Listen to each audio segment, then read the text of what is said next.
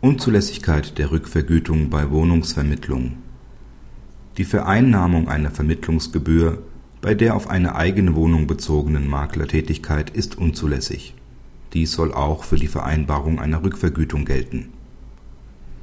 Der vor dem Landgericht Marburg klagende Wohnungseigentümer kann eine entgeltliche Vermittlung der Wohnungsvermietung nach dem Wohnungsvermittlungsgesetz nicht durchführen Daher beauftragt er mit der Vermittlung einen Makler und vereinbart mit diesem eine Rückvergütung, auf die er klagt, als der Makler die Zahlung verweigert.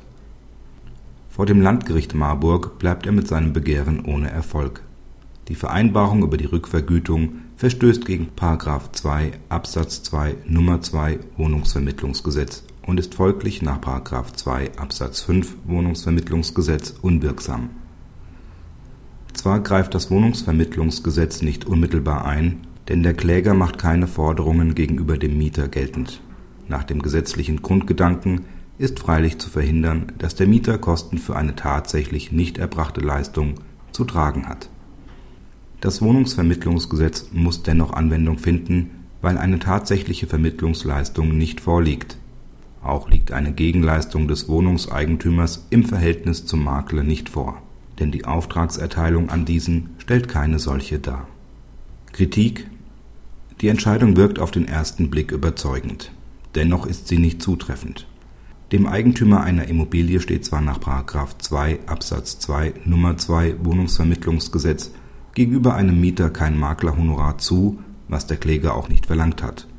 Vielmehr hatte er mit dem Beklagten vereinbart, für die zur Vermittlung überlassene Wohnung ein Entgelt zu erhalten Letztlich hat der Makler damit wirtschaftlich auf den Vorteil aus der von dem Mieter vereinbarten Maklercottage verzichtet. Der Makler hat die Möglichkeit, eine Wohnung zu vermitteln mit der Zusage an den Kläger, diesem eine Vergütung zu entrichten, erworben. Dies ist ein übliches, auf Provisionsbasis abzuwickelndes Geschäft.